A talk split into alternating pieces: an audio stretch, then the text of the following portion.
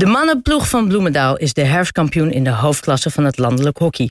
Vijf van de zes wedstrijden werden gewonnen. Eén keer werd gelijk gespeeld.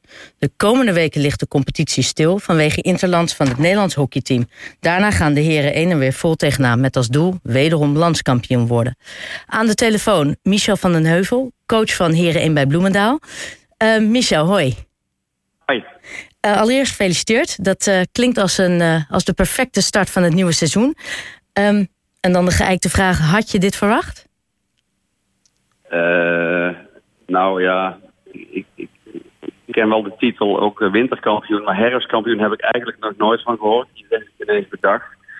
Uh, hadden wij, had ik verwacht dat wij zo goed zouden starten? Nee, zo goed had ik niet verwacht. Ik had wel het vermoeden dat we in ieder geval een behoorlijk aantal punten zouden pakken in de eerste zes wedstrijden. Maar dat we zo snel eigenlijk al zo'n mooie serie konden neerzetten, verbaast mij ook enigszins. Want um, voor de mensen die minder verstand hebben van hockey, uh, including myself, wat is, het, uh, wat is de afstand tussen jullie en de nummer twee? Um, die is niet zo groot. Nog eerlijk, uh, eerlijk gezegd, ik weet het zelf ook niet precies. Want ik hou me zelden met de stand bezig, tenzij het echt belangrijk gaat worden. Uh, en het is ook zo dat uh, Kampong, dat uh, is denk ik de ploeg met de minste verliespunten na ons.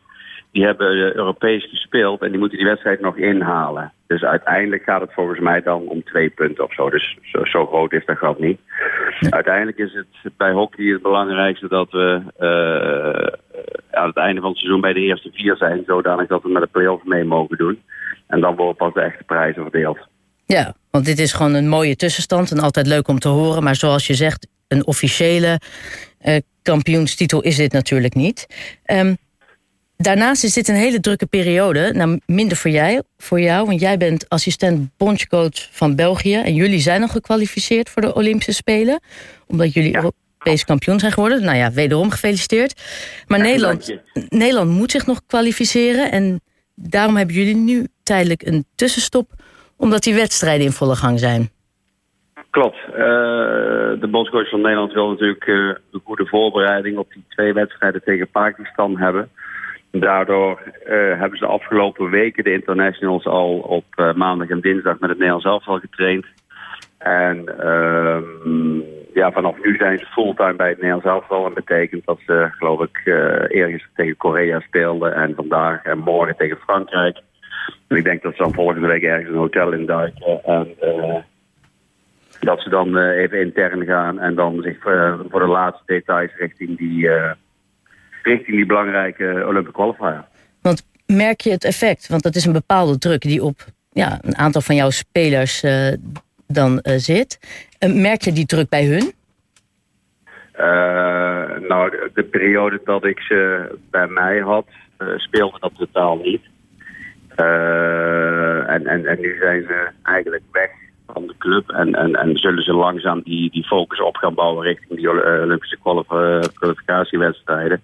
Maar dat gaat pas echt spelen, denk ik, uh, op de dag zelf dat het zover is. En uh, nou ja, het seizoen is op zich net begonnen.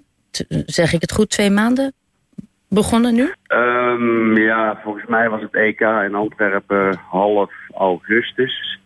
En uh, ja, we hebben zes wedstrijden gespeeld. Dus ik, ik denk dat wij ongeveer een, een, week of tien bezig zijn met het En heb je nog uh, specifieke punten van aandacht? Focuspunten waar jij de komende maanden extra aandacht aan wil besteden? Absoluut. Ja, het eerste blok was om uiteindelijk de ploeg zo goed mogelijk qua organisatie neer te zetten.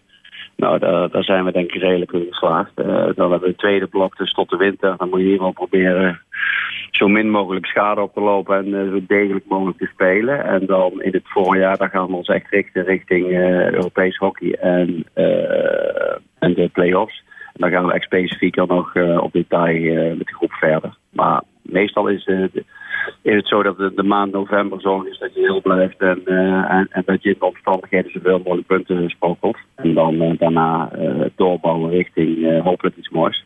Ja, want jij hebt goede hoop dat wederom landskampioen prolongeren? nou, dat, dat, dat, dat, is, dat is wel heel kort door de bocht. Ik denk dat we een mooie selectie hebben. Ik denk dat het Nederlands hockey, of dat de Nederlandse competitie, ik denk ongeveer een 7 tot 8 ploegen hebt die play-offs kunnen gaan spelen. En de ploegen die dan uiteindelijk op dat moment de vorm hebben, die kunnen allemaal in Nederland landskampioen worden. Omdat je gewoon in een weekend eigenlijk het beslist gaat worden. En zoals je weet is het in augustus de Olympische Spelen. Ja. En uh, al mijn spe of de spelers die daarvoor in aanmerking komen, die zijn in het voorjaar ook enorm druk met de nationale programma's. Dus met de nationale teams.